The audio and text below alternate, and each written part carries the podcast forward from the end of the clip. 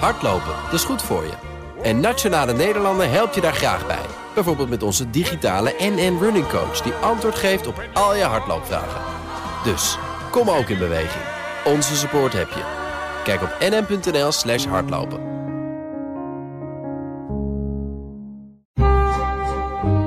De Perestrooikast. Een blik op Oost-Europa.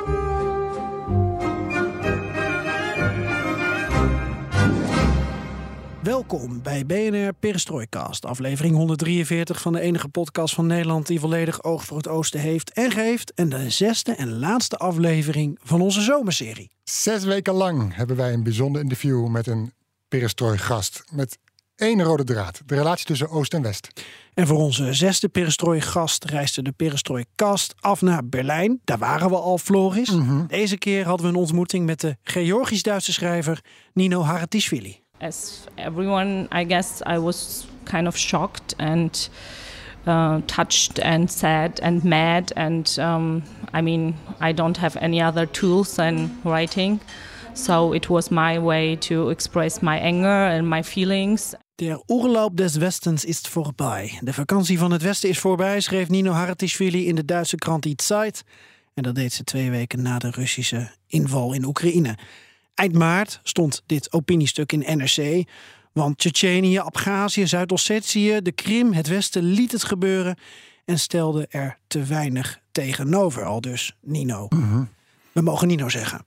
Jij wel, ik weet het nog niet. Do I want my comfort and staying in my comfort zone? Though I know that people are killed for that. Or am I uh, kind of uh, ready to pay my price? Ze geeft zelf antwoord, zo hoor je straks. Met Nino Haratischvili spreken we over hoe het Westen zich anders moet gaan opstellen richting Rusland. De tijd van vriendelijkheden zijn volgens haar voorbij. Vandaag begint de lange weg naar morgen, zou ik bijna zeggen. En westerse landen moeten zich ook anders opstellen richting Oost-Europa, zo zegt Haratischvili. De tijd dat Berlijn, Parijs en Den Haag Oost-Europa de les lazen over Rusland, die is ook voorbij. Ja, jarenlang waarschuwden Riga, Vilnius, Warschau die westerse hoofdsteden voor de Russische beer. Maar Parijs, Den Haag en zeker ook Berlijn keken naar de economische voordelen van zaken doen met Rusland en luisterden zowel niet naar het gegrom als naar de noodkreten.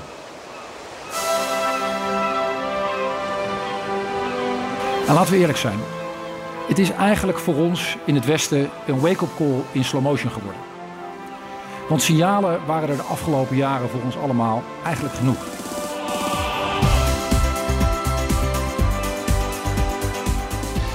Berlijn. We waren er al voor Sascha Mariana Salzman te horen in aflevering 141. Berlijn is de stad die symbool staat voor Oost en West, maar ook voor de huidige en nieuwe relatie met Rusland. Tijd om opnieuw naar de Duitse hoofdstad te schakelen.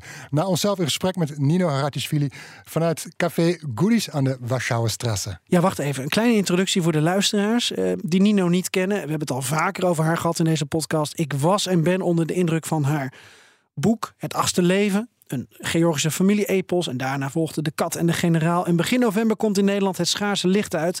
Al is de publicatie van dit laatste boek in andere talen overschaduwd door de Russische invasie in Oekraïne. When I was working on writing uh, this book, of course, I could not imagine things would come this way, and somehow it's um, it um, left a kind of bad taste in my mouth. En nu we toch bezig zijn met introduceren, Geert-Jan. Mocht je het inmiddels nog niet weten, alles ten oosten van de rivier de Elbe kan de komende weken, maanden, jaren in deze podcast worden besproken.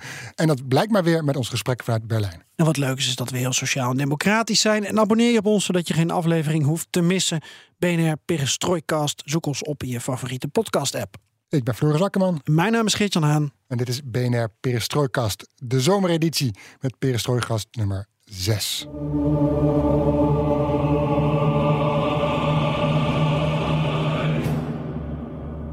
Mm, thanks for inviting.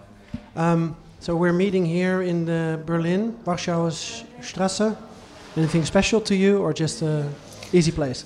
It, yeah, it's it's more uh, it has to do with practical reasons. It's um, kind of my neighborhood. So You moved to Berlin uh, uh, two years ago. Two years ago. Yeah, Yeah. How is it?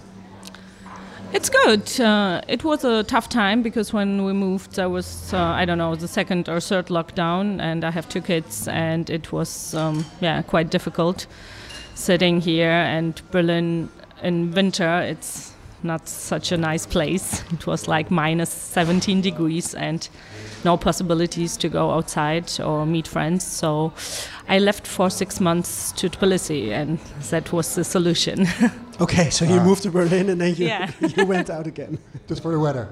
Uh, yeah, just for the weather, but uh, not only for the weather, of course. And it was a good decision, yeah.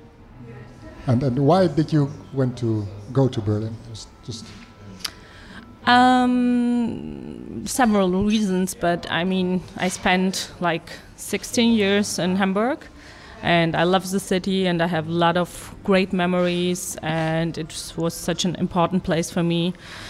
And of course, a lot of friends, but it felt that it's time for something new, like a new face, new, yeah.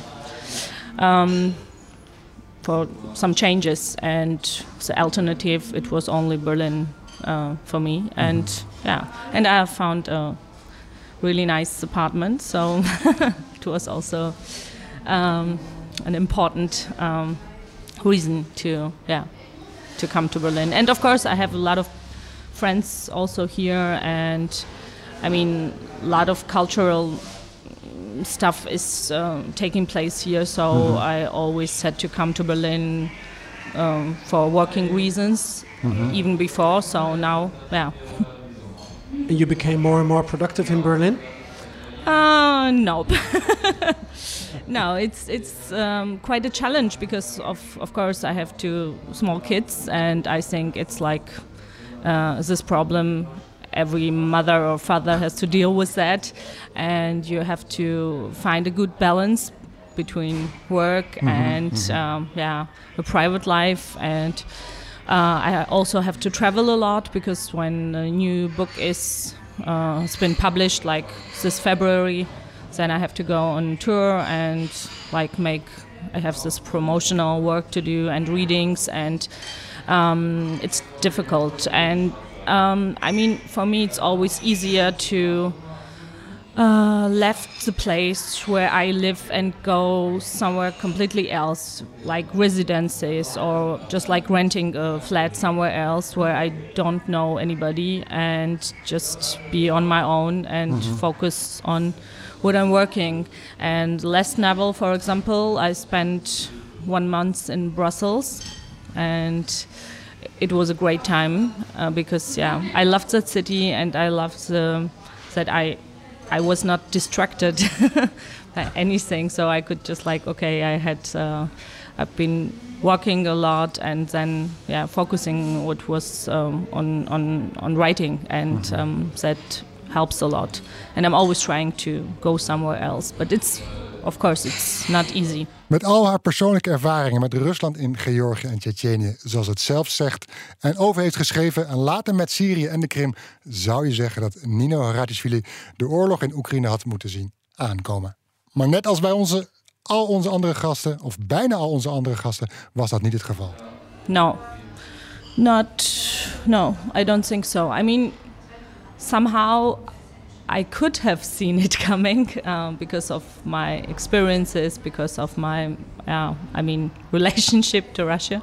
You mean what happened in Georgia before? Yeah, what happened in Georgia, but not only Georgia, Chechnya, for example, and Syria and um, Crimea, Crimea. Yes. yeah uh, all the things are and all the wars are going on like the last 22 23 years. Um, it's not been something completely surprising but still. Still i no i did not see it coming. Er waren wel wat waarschuwingen binnen Europa. De voormalig president van Polen, Weile Lech Kaczynski, die waarschuwde dat Rusland niet zou stoppen bij die oorlog eh, in Georgië in 2008 en er meer zou grijpen. Hij bleef ongehoord, schreef de Poolse premier, huidig premier Mateusz Morawiecki, in een opiniestuk dat deze week verscheen in meerdere Europese kranten. Haratischvili weet wel waarom West-Europa niet wilde luisteren naar de achteraf wijze stemmen uit het oosten.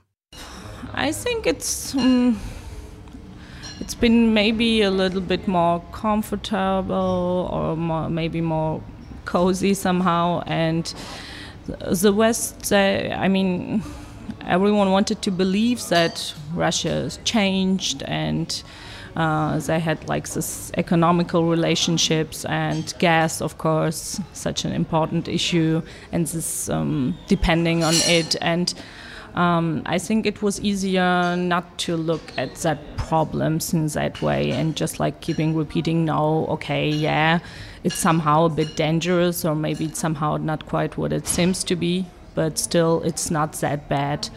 And I mean, mm, it's changing uh, a lot and it's changed a lot and i'm really happy about that but i remember when i moved to germany 2003 nobody knew where georgia is what georgia is or even all these eastern countries Mm-hmm. the post soviet countries and it was kind of like a terra incognita and it was like everything was russia so um, Germans, even they had this Eastern uh, past and they have their own history with Russia. Still, I, I, I had a feeling uh, that they were not really interested in it. It was somewhere something gray. Everyone is just like drinking vodka, and uh, it's really far, far away. And um, now it's changed, and uh, unfortunately, the Ukraine has to pay the price for this awakening.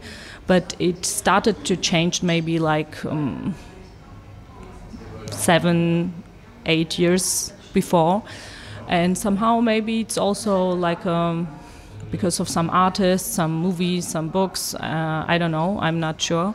And people are traveling more and realizing that it's not that far away, and it's um, it's quite close. Yeah.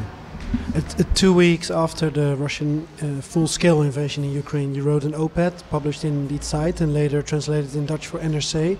The Urlaub des Westens is voorbij. Why did you write this piece?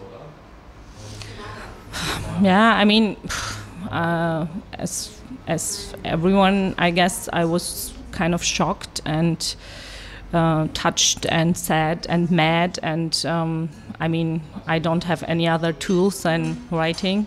So it was my way to express my anger and my feelings and um, somehow say what I could say about that. And um, yeah. Was it hard to write or easy? Mm. I don't even remember. It was. Um, it didn't took me a lot of time. this is what I do know. It was just like more uh, explosion because I was really mad. Net als bij het vorige gesprek met Sascha Marina Salzman staat een essay centraal eh, tijdens eh, dit eh, interview. In dit geval dus een essay van Nino Haratischvili. En we zijn in dit gesprek benieuwd naar de manier waarop de aanbevelingen uit haar essay zijn opgepakt door, in dit geval, West-Europa. Daarover straks meer. Maar eerst, voor wie het gemist heeft, iets meer over dit essay. Wat opvallend is aan het essay is dat het begint met een tragedie die wij in Nederland maar al te goed kennen. Srebrenica 1995. Haratischvili zag de film Quo Vadis Aida en ervoer de machteloosheid en het gebrek aan controle, zoals dat nu ook ziet bij de Russische invasie in Oekraïne. Colonel Karamans, they are killing people outside. What difference does it make? En in dat essay, in het Duits gepubliceerd dus onder Der Oorloop des Westens is voorbij. Eh, zie daarvoor ook de show notes trouwens. In dat essay gaat Haratischvili dus in op de symbolische rol eh, van commandant Tom Karamans. That was quite inspirational because that was such a good, um, I mean, like a symbolic situation for was going on right now. Um, and it was not like a movie anymore, it was a reality. And yeah, I mean, all the issues, of course, I'm dealing with that like my half of my life since I'm I, I live here, or since I even since I was born.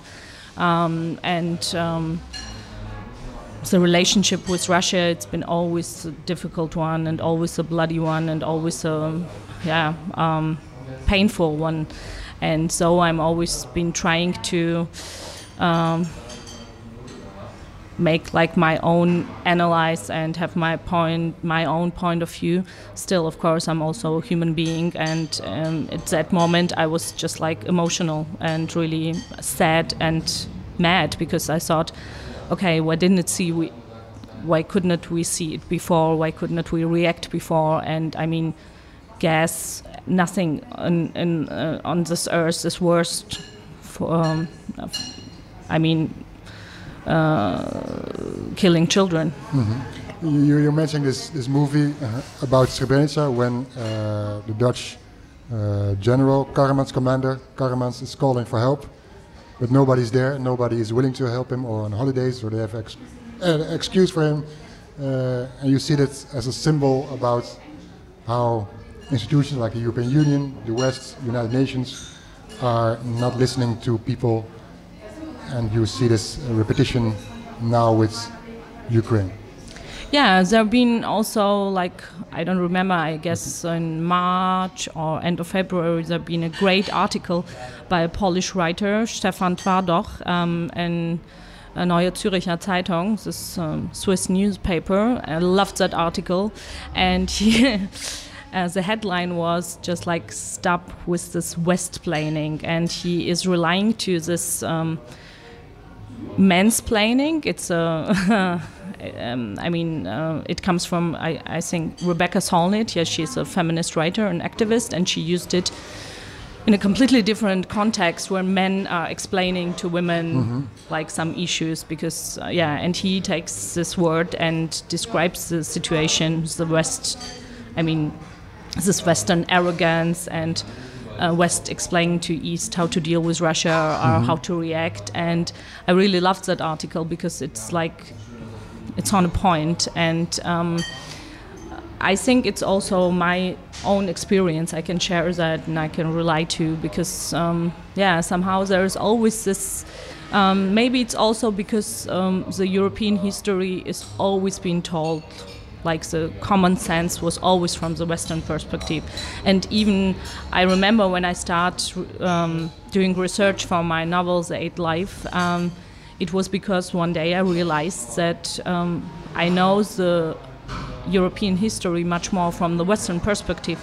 For example, I know much more about like uh, Nazis uh, uh, and so on than about the communists, and I was kind of shocked. And it's not only like a Western fault, of course, because the Eastern countries and, for example, also Georgia, they never did this kind of analysis as the Germans, for example. Of course, Germans were also forced to somehow after what happened um, after Holocaust, after the World War, Second World War, and so on.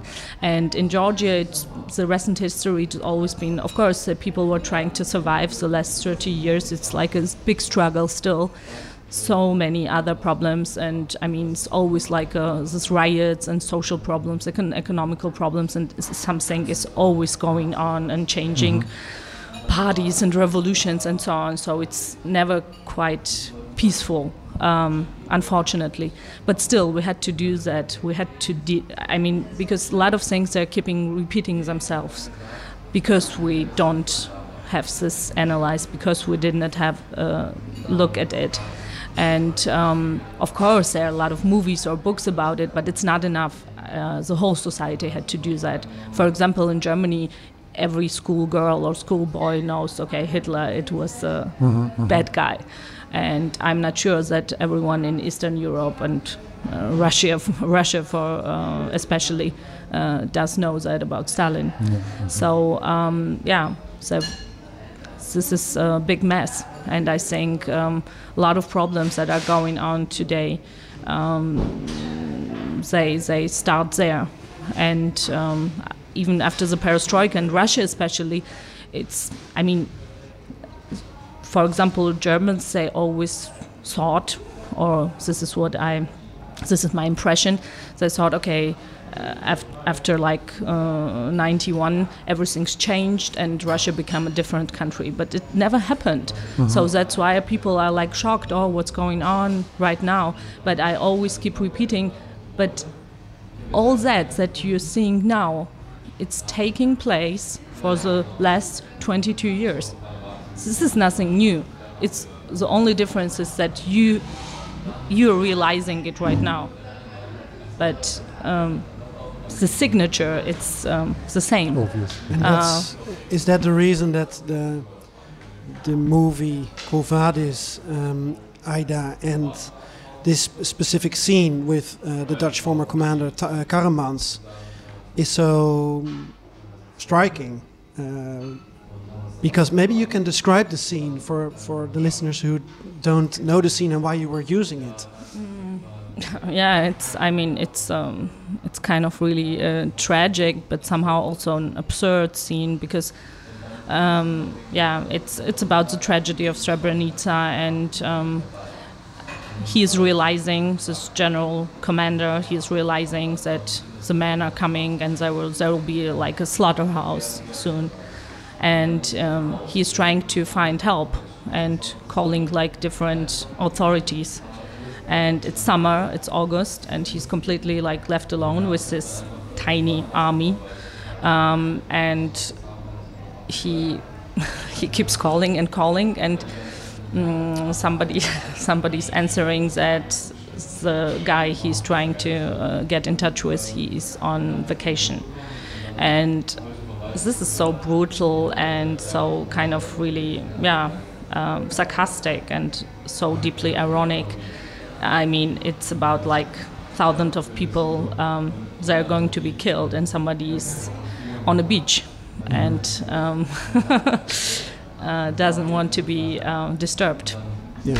While someone is desperately in need, and in this case, feels responsible for thousands of lives. Of course, of course. I mean, um, I like about that movie is that it's not like as black as white or as simple because you can also see that he is completely. Uh, he feels. Yeah, uh, how, how, how, how to express it. Uh, he's in need, yeah, and he's desperate and he uh, doesn't know what to do because, um, uh, and he's also afraid. Yeah. He's also a human being, and he knows that he is never going to resist these guys. Quite interesting and ironic, actually, that the West was on a holiday for many years.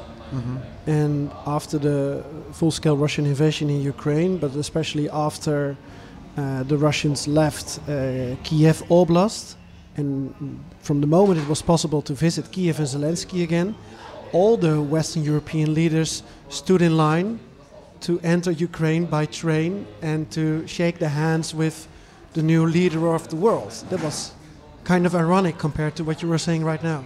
Yeah, yeah. Somehow, it's uh, it's interesting what you're saying. I didn't know about that, but yeah, somehow it is. Yeah. If we talk about, Jan says that now Western European leaders visited Zelensky. But the, the months before the war started, um, I spoke with Ukrainians and they already saw some changing behavior because in, in 2014 they went to Moscow only and didn't visit Kiev at all and just spoke via Moscow. They, well, Poroshenko has to deal with it. But now the Ukrainians said, well, they also went to Kiev to talk with Zelensky.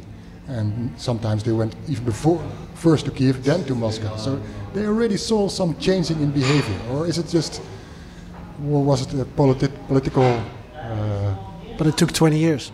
it took 20 years, yes.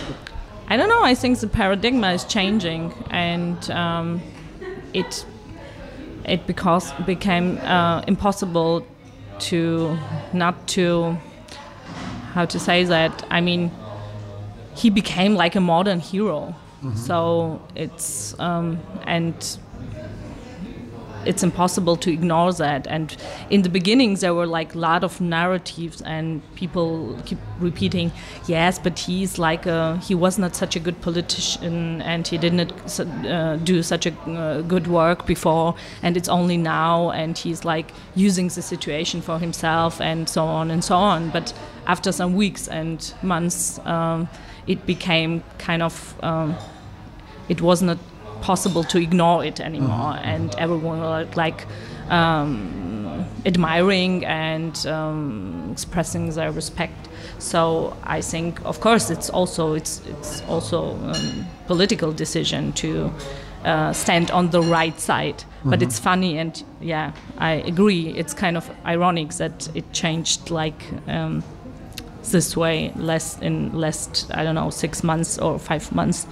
and before it was yeah, Moscow was like much more important, and um, now it's uh, it's completely different. And it yeah a lot of things changed. I mean even like the green party in in germany. And it was not imaginable even one year before that they out of sudden uh, they started to talk about reactivating this nuclear uh, plants yeah.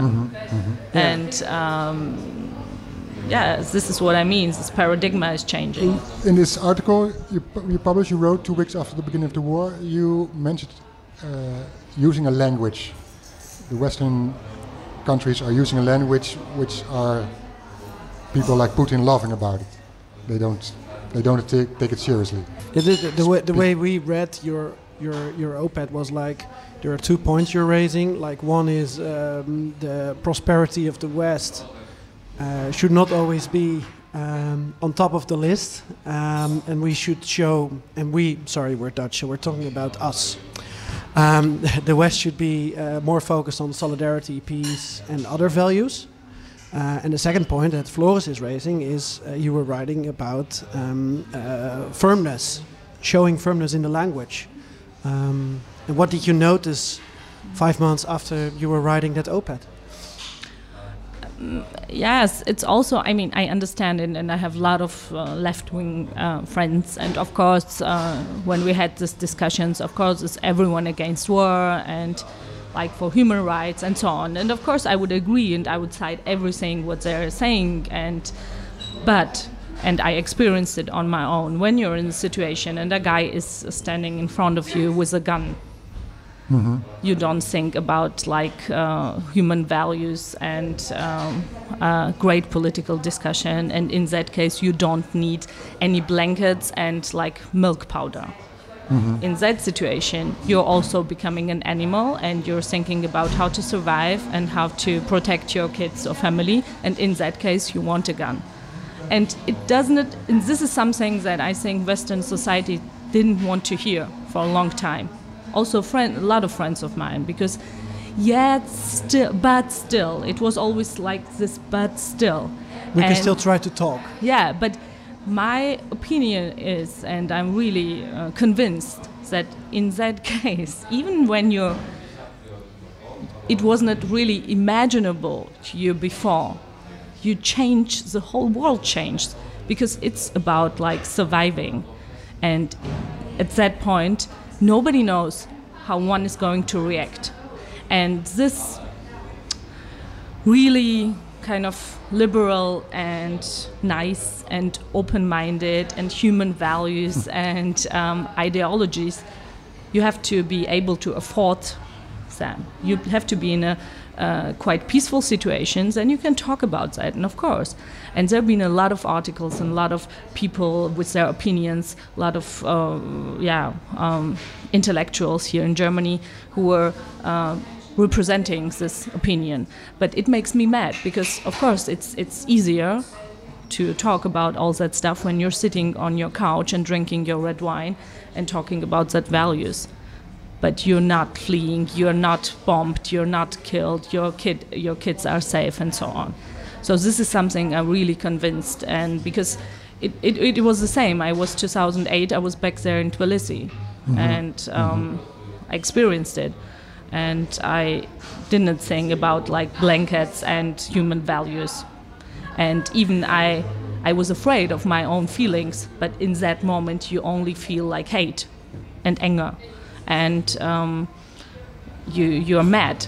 And um, these blankets um, are not helping in that moment. Has this language been changed after five, six months? Is there some kind of, do you see a new kind of language of Western? I think the West is still still looking for it.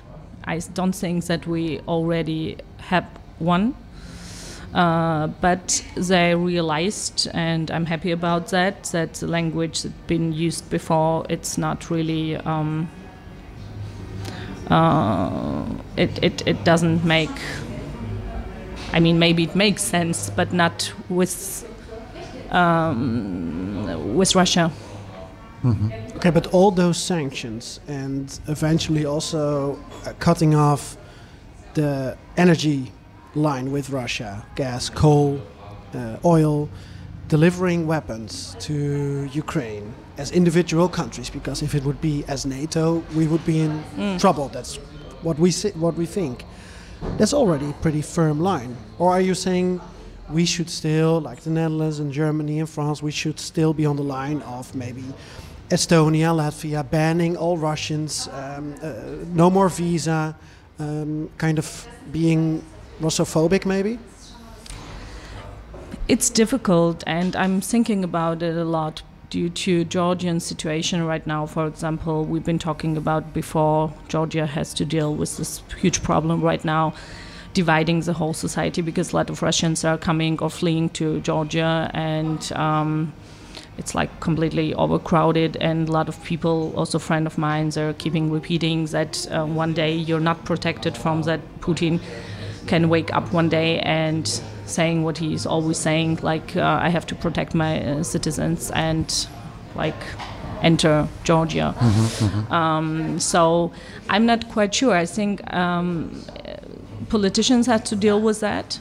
And of course, I'm not for xenophobia. And of course, you have to always like, it's it depends always on context, and um, you have to of course, for people like from the oppositional parties or press or journalists who fled to, to Georgia, of course, I'm completely uh, willing to to give them visa or um, they should stay and they should have uh, uh, shelter. But um, somehow you have to control it, yes. And, um, And what was somehow? How can you control it? Um, I think the, uh, for example, Georgia has to start to um, use visa for Russians, so you can control uh, much better uh, and have a look who is coming to your country. Uh, because uh, of course I I'm enjoying this like uh, open borders and not needing visa anymore, and I hate it all my life uh, this borders and borders and borders. But now this is like a completely different situation, and uh, I think one have to control. Uh, better because now the problem is that because the, politi- uh, the, the politicians are not dealing with the situation in a proper way uh, the society is completely divided and you have a lot of um, discussions and uh, it's becoming a quite emotional issue and it's not good because it's becoming an explo- explosive matter and you cannot deal in, with that in a like proper and rational way. And this is important to do so. And i think it always depends like it's of course it's it's different from one country to another. And uh, balticum has a completely different history with russia than like uh, germany or netherlands. Um, and it's mm, it's difficult for me because i'm also not a politician and it's difficult for me to say there is a general solution or there is a general way how to deal with that. I think it always depends. But um, i think it's it's not that bad to have a harsh um, yeah a bit uh, becoming a bit tougher with that and um, because yeah we cannot um, we're not allowed to forget what is going on on the other side what's going on in the ukraine Yeah. Maybe uh, before we continue talking about Georgia and, and, and your books, one more question to, to close this chapter. Um, so we're trying in, in kind of philosophical conversations uh, to, to, to close some kind of gap, cultural, mental, between West and East, whatever it is. But um, what do you think? Should we strive for one Europe? Should we strive for uh, of course, for the same prosperity, but also Europe is great because it has so many cultures and languages. How do you look at that? The fact that the Netherlands and Ukraine is getting closer to each other, but still has differences. These differences will always will be, and I don't think that it's as bad because I mean, yeah, this is what I really love, uh, love about Europe, uh, this diversity and these different cultures. But I think we should uh, strike for like more respect and like better understanding for each other, and uh, we should maybe overcome this arrogance this is what I really don't like about the Western cultures, mm-hmm. because it's somehow always like a, in this article I, I mentioned this uh, from this Polish writer. He's also talking about that, uh, and I could not forget um, that after I read it, um, that he's mentioning um, that some things that were completely not imaginable for the Western cultures or countries it's completely okay for the East, and um, from the Western perspective. And this is something that I think it has to change because if we want to be equal, then we have to go this equal way. And for example, uh, what I mean, and I do believe that it's the same what he is talking about. Um, for example, I remember quite well. It was 2002, I guess, um, or three, or maybe even four. Um, we won. Yeah, I think it was 2003 or four. Um, the tragedy in, of. Um, Beslan, Nordost? No, um, Beslan. Beslan. Mm-hmm. It was in uh, yeah. 2004. Four, yeah, I guess. And I was so shocked about um, what the Western press were writing about that. I mean, it was Beslan was about uh, the gijzeling in English. Hostage. Hostage of a school. Oh, in, yeah, in, yeah. In North Ossetia. Yeah, it correct. was in Osset- yeah, it was North Ossetia. Uh, yeah, and yeah, some Chechen guys. Mm-hmm. Um, they went into a school. Mm-hmm, yeah yeah, and hosted it. I don't know. It. I mean, 350 people. Most of them kids were killed mm-hmm. in that special operation, as the mm-hmm. Russians called it. Mm-hmm. And I was so shocked. I remember I was a student, and um, I imagined how it would be if this kind of tragedy would happen in Germany or in France or in Netherlands or in Denmark. And I mean, the Western press, it was like, okay, it's quite terrible and such a big tragedy, but. Far away. Yeah. So, what should one say? And there have been no harsh reacting about what Russia did. Mm-hmm. Because, I mean, it was already Putin, and he was just like, no, we're not dealing with terrorists, so just enter. And. Um, but I in mean, our case, not even MH17, the downing of the plane with almost 200 Dutch victims was giving the same response as we see right now. Yeah, yeah, it's maybe yeah, it's also a good uh, example. So, I think um, already back then you could see that okay, we don't want any troubles with you. So just like mm-hmm. Mm-hmm. Uh, do your stuff, and yeah, it's a pity and it's a terrible thing because oh, more than 300 uh, children were killed. But and this is what I mean. If something like that happened in in any of the Western countries, I mean, that would be a I, I, I think it would be a revolution. The political party would completely change, and people mm-hmm. were because it's like unimaginable such a such a such a big tragedy. But people were completely like forgotten, and yeah, just go on. So this is what I I do believe. This is what he means when he writes that things that are kind Stefan of not, yeah, yeah, not not uh, really uh, thinkable, not even imaginable in the West. It's okay for the East, and this is something that I do believe has to change, because if we want like the same values and we want this kind of Europe with all the diversities, and of course, of course, there will be these cultural differences, but it's not not as bad. Why? It's okay. But um, I think um, it's not good if we still have this, um, we have to overcome this arrogance here.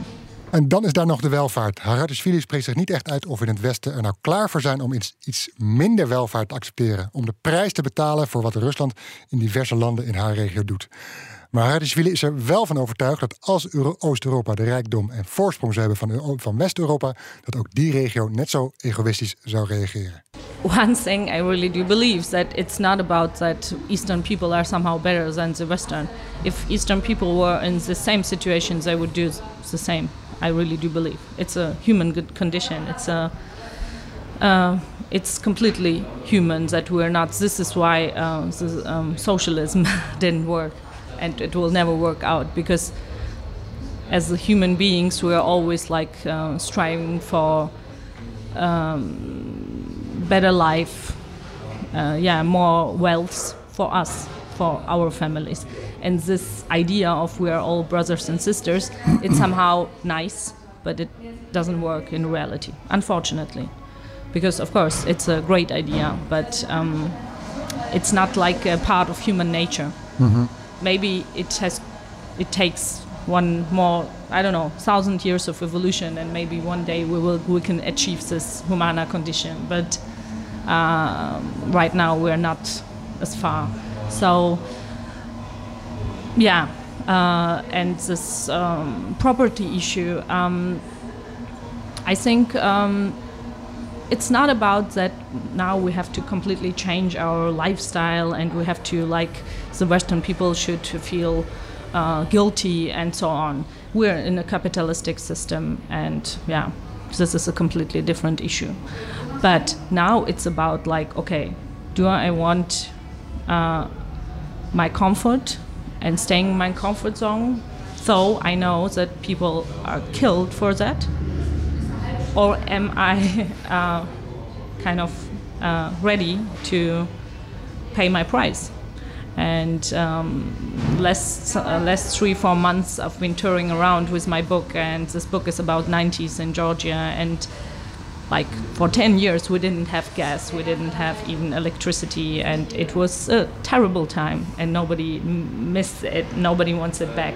But You were- still, yeah. we've survived, and I'm always keeping repeating into Germans. So we've survived. We have this experience. so we can make some workshops for you. So don't be afraid because you don't want to have uh, like a warm apartment, a flat. Um, if it does mean that somebody's going want, going to die for that, and this is something that I do believe that 990 percent of Germans, uh, Dutch or French people doesn't want.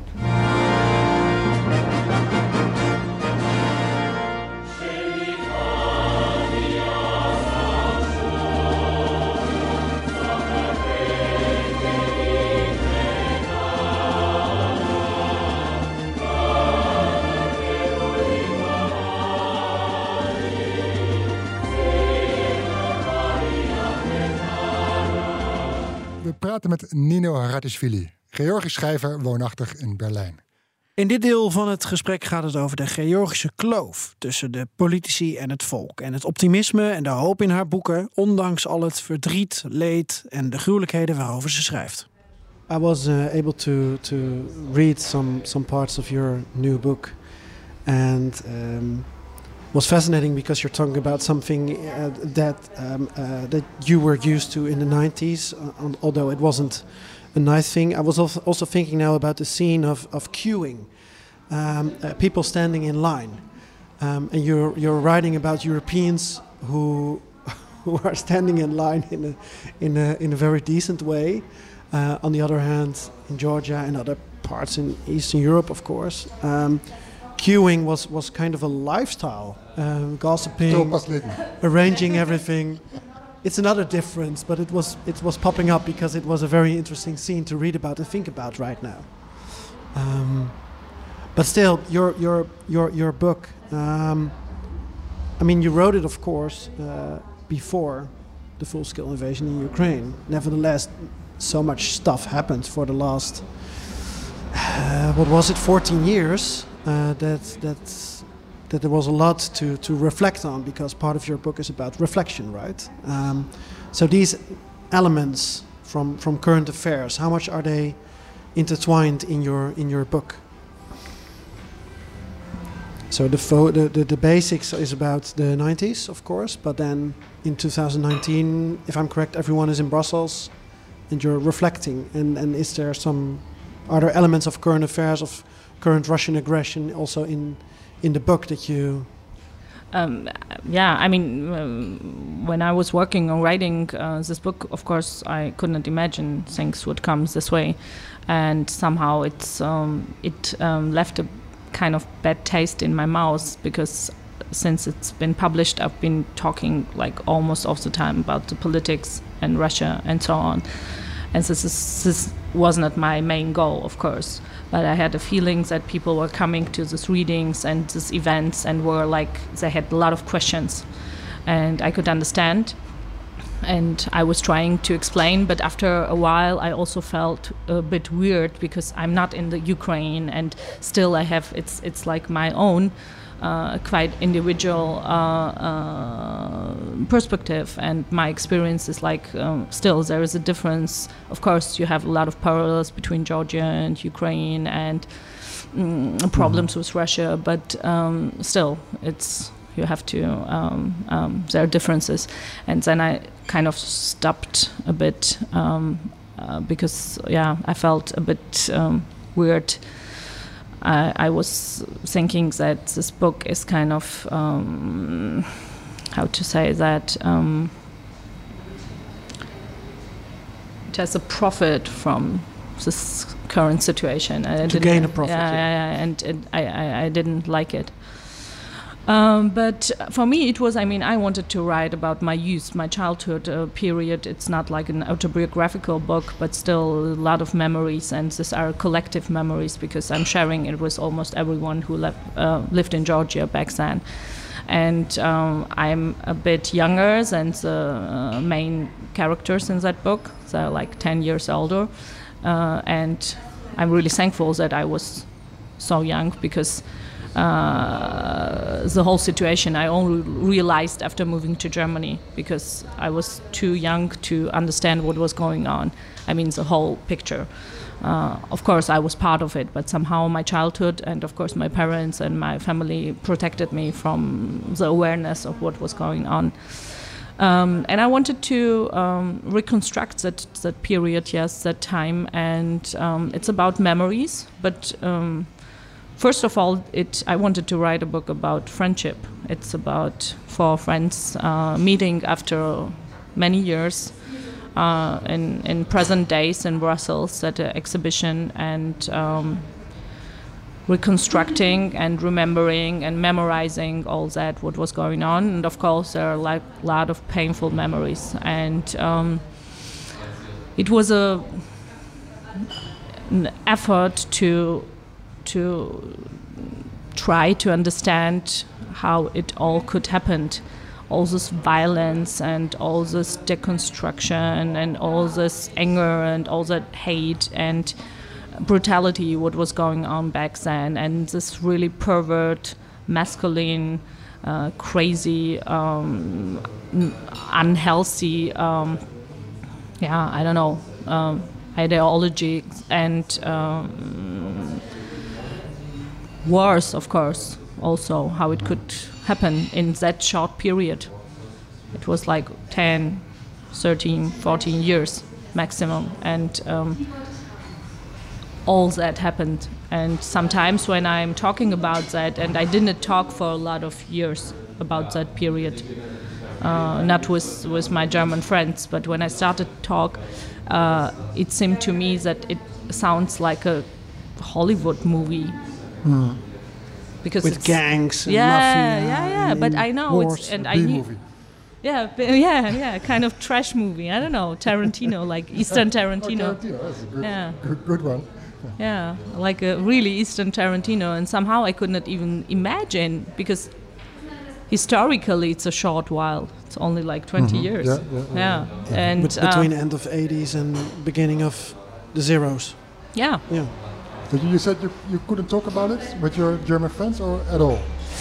Mm, uh, no, with my German friends because I, I had this feeling, and I don't know why. Um, I, I did believe that they could not understand it. They could not even imagine it.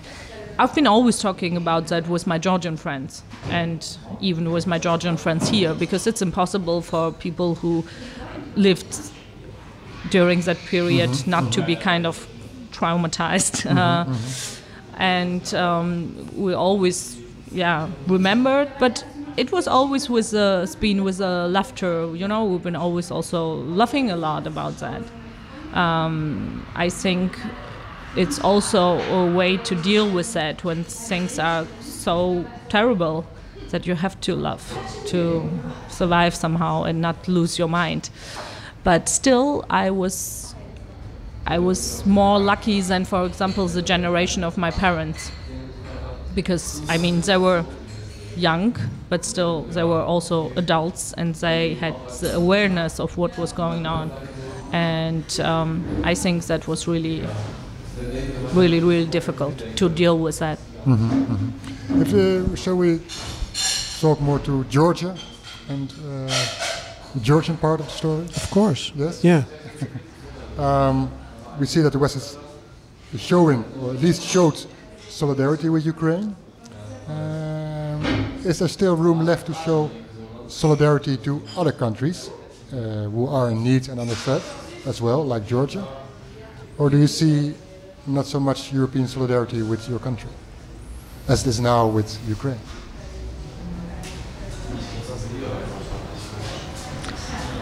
I mean, Georgia has not this existential trouble right now as the Ukraine, and of course, it's more important that Europe shows solidarity with uh, one who is in such a great need right now as the Ukraine.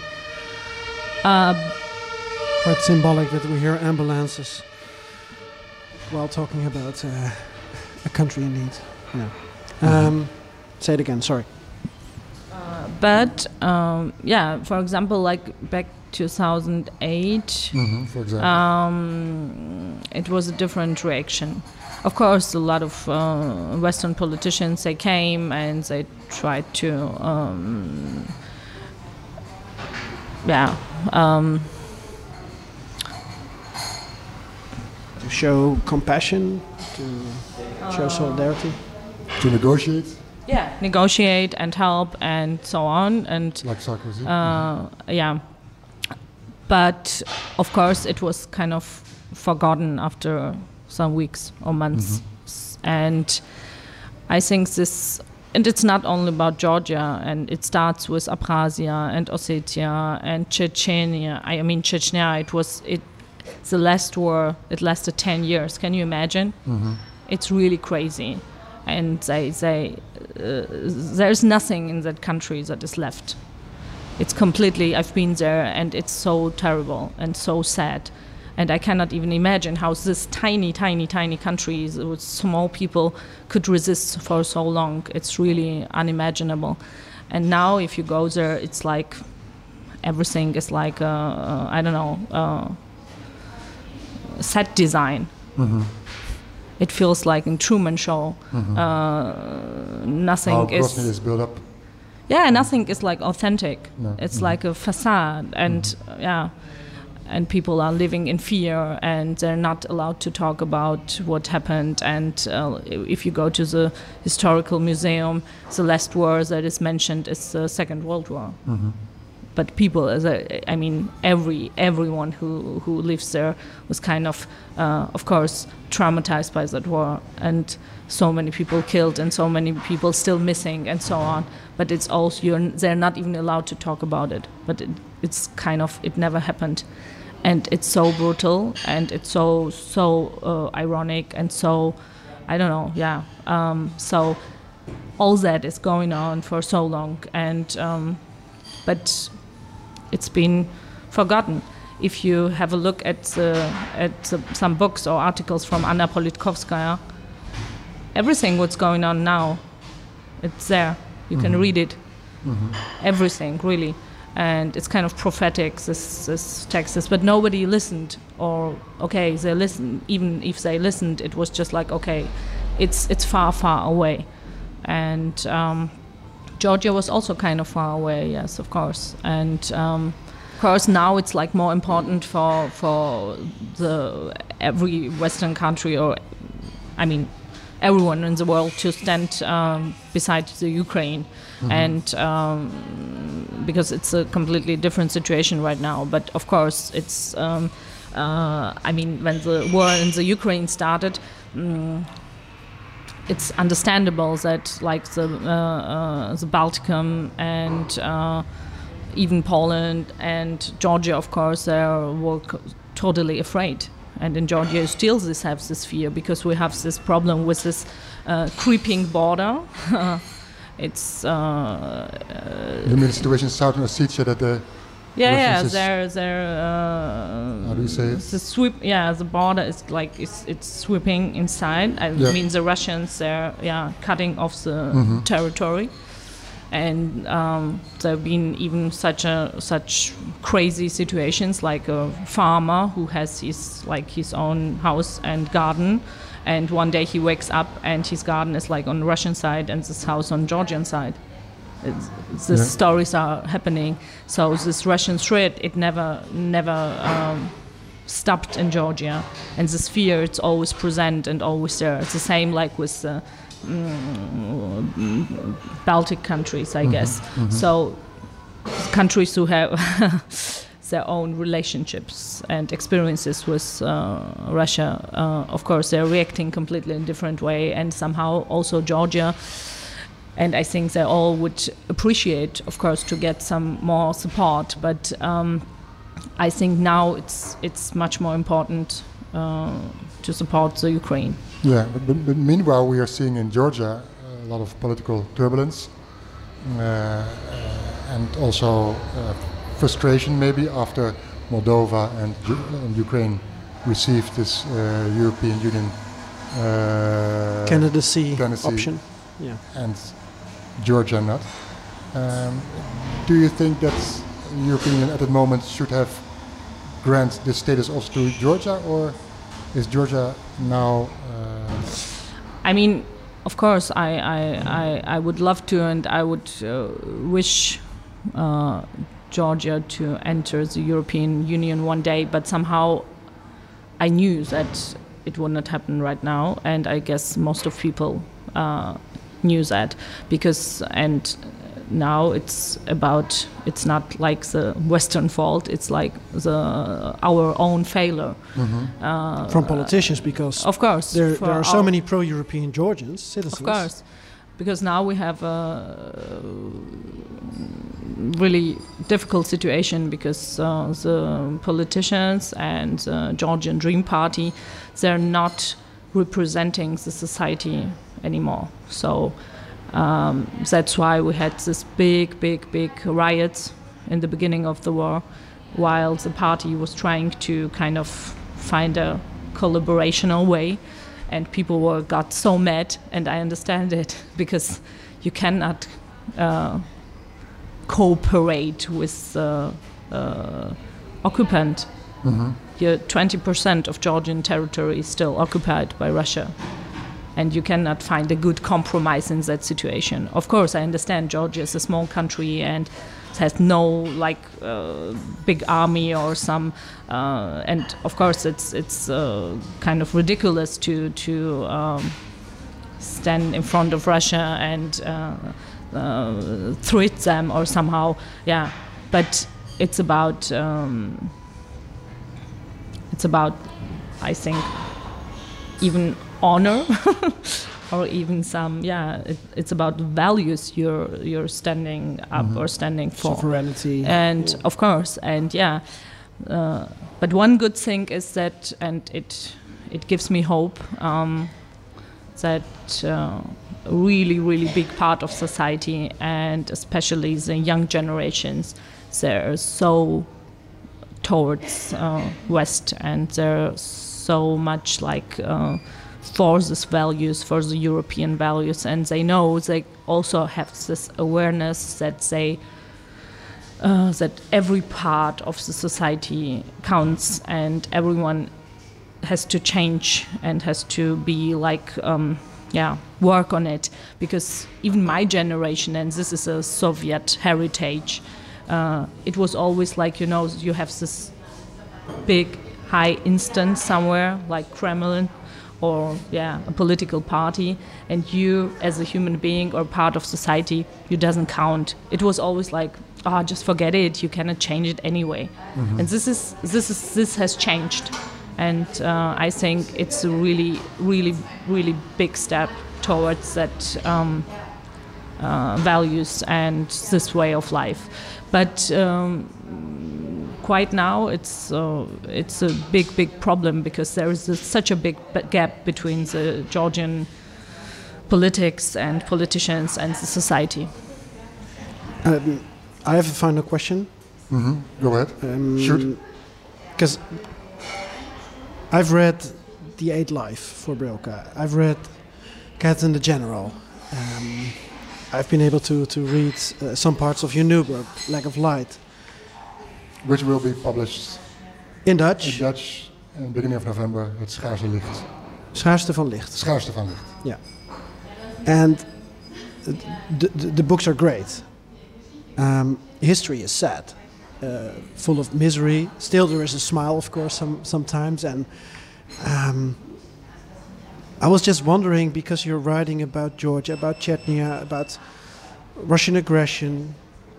Um, is there somehow in your mind some room or space or optimism or hope for uh, to write uh, about uh, a positive future of Georgia, maybe, or a generation that is uh, having um, a life without too many, with, with, with le- less misery? Are you thinking about that sometimes? I think, um, especially the eighth life and also the last one, the lack of light. For me, um, both of the endings are hopeful still. Of course, there's a lot of misery and a lot of sadness and a lot of darkness in both of that books because this is how it was. This is what the history was like. Um, and it's not like only my pervert imagination. Um, and when people are sometimes complaining about why ha- why do you have to be so harsh and there are so many brutal scenes, and I'm always um, answering that it's not like my vision. Uh, of course, it's it's my fantasy, but I'm inspired by real events. I'm inspired by uh, real history. But still, I, I don't think that it's completely hope, um, hopeless. And um, in the end of the eighth life, um, the book ends with an empty page. So history keeps writing itself. And of course, history also keeps repeating, but there are also a lot of changes. And um, human beings are also able to, to um, change for better. I do believe so. Uh, and um, understand, understand some things and uh, become aware and um, and the same with the lack of light. I mean, there is there are a lot of painful memories, but uh, in the end, they're also kind of they they overcame it and they're in present and they're right now and right then and they're together. And of course, it's not this classical kind of happy end, but. Um, uh, I do believe that there is hope because otherwise um, I could not write and uh, it would not make sense. Um, this is not my intention to like sit down and make everyone depressed. I think, but I think it's it's uh, important to know what's behind us to be aware of what's going on in our present and maybe also somehow um, have some goals for the future. Um, and I mean, it sounds a bit like a fairy tale, I know, but um, um, I don't. I don't feel this uh, hopeless, and um, also, uh, of course, um, I pity a lot of characters of my books with their really terrible and tough lives and big challenges and this really um, cruel destiny. But um, there are also a lot of um, fighting and a lot of uh, trying and a lot of um, even yeah also love I think and um, I don't know I, I could not write about future because I'm not trying I'm not writing science fiction and I cannot uh, I, I, I don't know what is going to be in 10 years and it's of course always easier to write about what already happened than what is going to happen. But um, for example, I mean, um, if we talk about Georgia, I'm really, really hopeful when I look at the young generations. They're different and they don't have this Soviet heritage and this, um, yeah, and this this kind of um, mentality. Um, they're different. The generations who already been born in independent Georgia, and um, it may it gives me hope. Yes, because I think okay, this has to pass. We have to. Uh, we have to go on, and we have to, um, yeah. Uh, You have to go deal through this. through this process yes of course and it's painful and of course it's it's difficult because i mean since i was born there is no peace no just like it's impossible to have this kind of stable and quiet life uh, it's always something's happening and uh, something's going on and a lot of problems and a lot of troubles um, been not solved by any of the parties and any of the politicians but still things are developing time is changing and um, society yeah it it um, it became more and more like unite. I don't know how to say that but um, yeah I, I, I think there is hope. There is always hope. That's, that's always a good sentence to end with. you can pronounce the name again. I can say thank you, Nino. Thank you, Nino Haratischwili, thank you. for this interview. Um, We're looking forward to see you in the Netherlands. and to read your book in Dutch also. I'm really excited. Yes, it's uh, they're translating it right now, and yeah, in November is the book launch, and then I'll be touring around. En dat was het uitgebreide gesprek met Nino Haratishvili, onze zesde en laatste perestrooi-gast deze zomer. Wil je de eerdere gesprekken uit onze zomerserie terugluisteren? Met bijvoorbeeld de Albanese premier Edi Rama over zijn bijzondere relatie met Mark Rutte.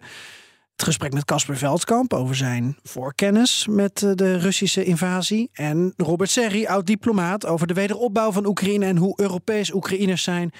Kijk dan op bnr.nl slash perestrooikast of in je favoriete podcast-app. Intussen gaan we gewoon door met onze reguliere podcast. Met veel aandacht voor de situatie in Oekraïne en Rusland. Check ons gesprek ook met Rusland-correspondent Joost Bosman over Alexander Dugin. Aito. Paka.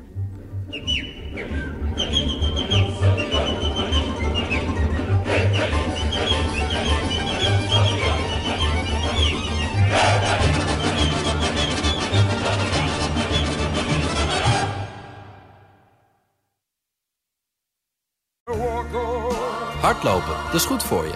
En Nationale Nederlanden helpt je daar graag bij. Bijvoorbeeld met onze digitale NN Running Coach... die antwoord geeft op al je hardloopvragen. Dus, kom ook in beweging. Onze support heb je. Kijk op nn.nl slash hardlopen.